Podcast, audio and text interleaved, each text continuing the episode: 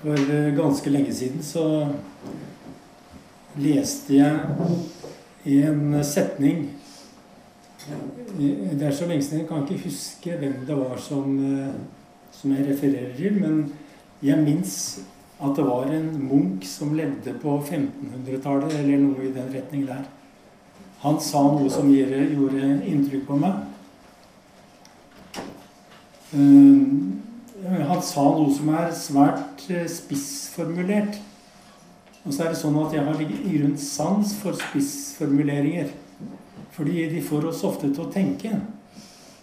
Og det den her munken fra 1500-tallet, la oss kalle han det, eh, skriver, da, og som jeg sperra øynene opp for, det var 'Elsk Jesus og gjør som du vil'. Jeg vet ikke hva dere tenker når dere hører det. Det er litt provoserende, ikke sant? Elsk Jesus og gjør som du vil. Eh, legg merke til at han ikke sier 'tro på Jesus og gjør som du vil'. Eller 'gjør hva du vil'. Men elsk Jesus og gjør hva du vil. Og jeg tenker Hvorfor elsker jeg Jesus? Ja, det mest innlysende svaret, det er jo Jeg elsker Jesus fordi han elska meg først. For å si det enkelt. Men også fordi å bli kjent med han, det fikk meg til å føle meg tatt imot, akseptert og godtatt sånn som jeg er. Og det tror jeg at vi bærer som et sterkt behov, alle mennesker. Et behov for å bli sett og akseptert sånn som vi er. Og i yngre dager så hadde jeg det privilegiet med at jeg hadde en oppgave der jeg intervjua mange tidligere narkomane og stoffmisbrukere som hadde blitt kristne. Og jeg hadde gjerne et standardspørsmål til dem når jeg intervjua dem. Og jeg spurte hva er det med Jesus som gjør at du har blitt hekta på han? Og svaret var nesten alltid Jeg har blitt hekta på Jesus fordi ingen har behandla meg. Og ingen har sett meg. Og ingen andre har elska meg som Jesus. Det var nærmest et standardsvar. Så jeg, jeg elsker også Jesus for måten han ser meg på. Men også, og ikke minst, da så elsker jeg Jesus fordi Hvordan skal jeg uttrykke det? Fordi jeg, jeg aner Jeg har sett et glimt av hvem han er. Hvem han er, altså. Og jeg har lyst til å sitere fra Kolossensebrevet, fra det 15. til det 20. vers, hvor det står Han, altså Jesus, er den usynlige Guds bilde. Han er den førstefødte før alt det skapte. For i ham er alt blitt skapt. I himmelen og på jorda. Det synlige og det usynlige. Troner og herskere makter og åndskrefter. Alt er skapt ved ham og til ham. Han er før alt. Og i ham blir alt holdt sammen. Han er hodet for kroppen, som er kirka. Han er opphavet den førstefødte fra de døde, så han i ett og alt kan være den fremste. For i ham ville Gud la hele sin fylde ta bolig. Og ved ham ville Gud forsone alt med seg selv. Det som er på jorda, og det som er i himmelen. Da han skapte fred ved hans blod på korset. Det, det er altså han som tar imot og aksepterer og elsker meg. Og det er han som har latt meg erfare og kjenne ham. Og kraften av hans oppstandelse.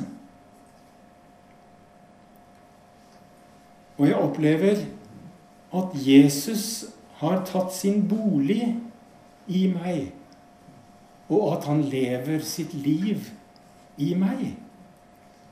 Og at han vil noe med mitt liv. Og han har formet mitt hjerte til et tempel for Den hellige ånd. Og han har ført meg inn i sin sabbatshvile. Og nå virker han i meg for at jeg skal kunne få hvile i hans sabbatshvile. Så jeg elsker Jesus. Og jeg elsker Jesus fordi dersom jeg bekjenner mine synder, så er han trofast og rettferdig, så han tilgir meg syndene og renser meg fra all urett. Så jeg elsker Jesus for hans evig forsonende kjærlighet og hans iboende nærvær. Og dessuten jo dypere jeg ser i mitt eget mørke, i min egen sårbarhet og utsatthet, jo større blir jo mitt behov. Og jo større mitt behov blir, jo større blir Hans nåde. Så derfor elsker jeg Jesus. Og når jeg med det ene øyet ser avgrunnen i meg sjøl, og samtidig altså med det andre øyet ser Guds nåde og hans ubegrensa kjærlighet, da elsker jeg Jesus. Mitt liv har én side vendt mot den tiden jeg lever i. Men også én side vendt mot evigheten. Og hvor jeg enn vender meg, så er jeg aldri uten hans nærvær. Og derfor elsker jeg ham også. Og dessuten har han gitt meg bønnen. Og bønnen som hjelper meg til å befeste meg i fellesskapet med Han. Og som hjelper meg til å virkeliggjøre Hans nærvær i meg. Og gjennom alle omstendighetene i mitt liv, gjennom lys og gjennom mørke, gjennom høyder og gjennom daler, da sår Jesus hele tiden i mitt hjertes åker. Han sår noe som jeg i sin tur kan gi tilbake til han. Og også for dette takker han og elsker han. Og derfor bærer jeg min sjel i mine hender framfor ham. For at han skal fortsette å så i den og høste fra den. Og jeg takker Jesus, jeg takker Gud for alle smeltedigler i livet. Jeg takker for all yt alle ytre motganger. For det lærer meg å søke byen med de faste grunnvoller. Jeg takker for tidene med indre mørke, hvor alle ytre, kunstige lys slukner, så bare det sanne lys får skinne. Jesus krever ikke at jeg skal gi noe eller prestere noe for å fortjene hans kjærlighet. Han ønsker bare at jeg skal gi ham min vilje. Og jeg behøver faktisk heller ikke å være fri. Jeg behøver ikke være fri for å følge Han. Jeg behøver bare å ville være fri. Og han vil lære meg å kjenne igjen hans vilje. Også når det kommer kledd i hverdagens enkelhet. Så også derfor elsker jeg Jesus. Mitt liv med Jesus består selvfølgelig ikke av feilfrihet. Men det består i tillit og overlatelse til ham sånn som jeg er. Og han krever ikke av meg hellighet. Han gir meg hellighet som en gave. Han gir meg en hellighet som består i delaktighet i hans hellighet. Han ser meg i sin egen hellighet. Tro på Gud og tro på meg, sier Jesus i Johannes 14. Og det kan oversettes noe sånt som eh, tro inn i meg. Altså tro ut av mitt eget og inn i hans. Det er tro. Kan jeg gjøre det? Kan jeg øve på det? Tro ut av mitt eget og inn i hans. Og jeg elsker Jesus fordi han setter meg fri fra å være sterk og dyktig. Å følge Jesus handler ikke om å være sterk. Det handler om å være sann. Det handler ikke om å være stor. Det handler om å være barn. Det handler ikke om å være rik, men å være fattig i seg sjøl. Og når alt det her er sagt, når alt er sagt Å være kristen er et kjærlighetsforhold mellom Jesus og meg, og meg og Jesus. Enklere kan det ikke sies. Det er viktig for Jesus at vi elsker ham. Og det er hans første spørsmål til Peter. Etter at Peter hadde svikta kapitalt. Og Jesus sier, 'Men Peter, jeg vet at du har svikta, men elsker du meg?' Og Peter svarer, du, 'Du vet at jeg elsker deg.' Og det er det Jesus ønsker å høre. Og det er de eneste skillsa Jesus ser etter i våre hjerter. At vi elsker ham. Forfatteren Ylva Eggehorn gjengir et dikt av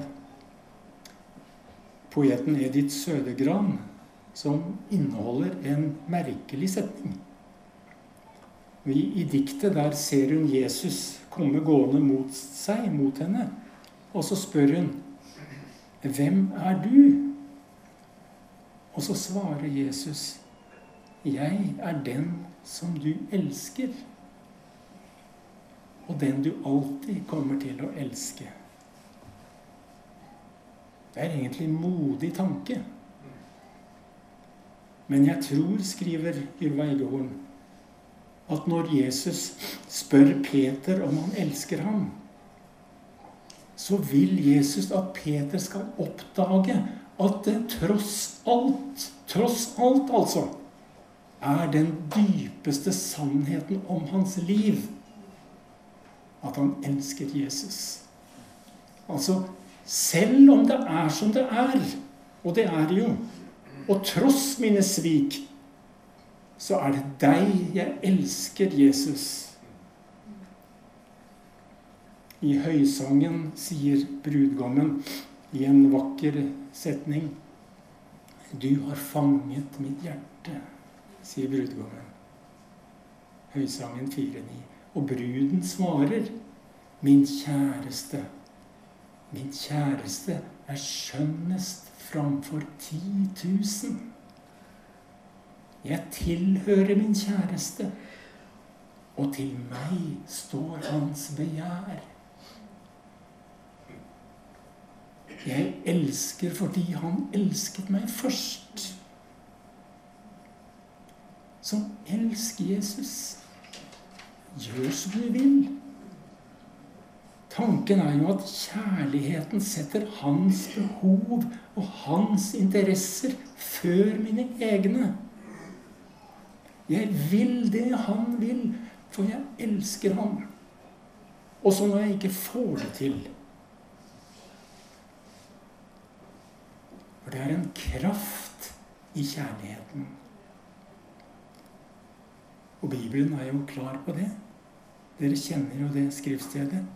Kristi kjærlighet tvinger oss, står det. Altså, Meningen her er altså at det er en kraft i kjærligheten.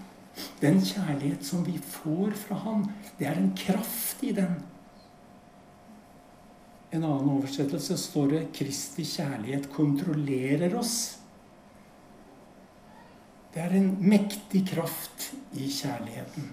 For kjærligheten er aktiv. Og kjærligheten er aldri likegyldig. I Galaterne 5-6 så snakkes det om den tro som er virksom i kjærlighet. Altså, kjærligheten er virksom. Jeg tror det må være noe av det som ligger bak den tanken til denne munken for 500 år siden som sier 'Elsk Jesus og gjør hva du vil'. Han vet hans kjennskap til at kjærligheten er virksom. Det er en kraft i den. Den gjør deg aldri likegyldig. På samme måten som nåden gir styrke, som det står i 2. Timoteus 7,1.: Bli sterk ved nåden. Eller som det står på dansk Hent din styrke ved den nåde som Jesus Kristus gir. Så da kan vi vel, når alt kommer til alt, og når vi har skjønt det rett, når vi har forstått hva det handler om, kunne si med denne munken for 500 år siden Elsk Jesus og gjør hva du vil. Eller kanskje bare elsk Jesus.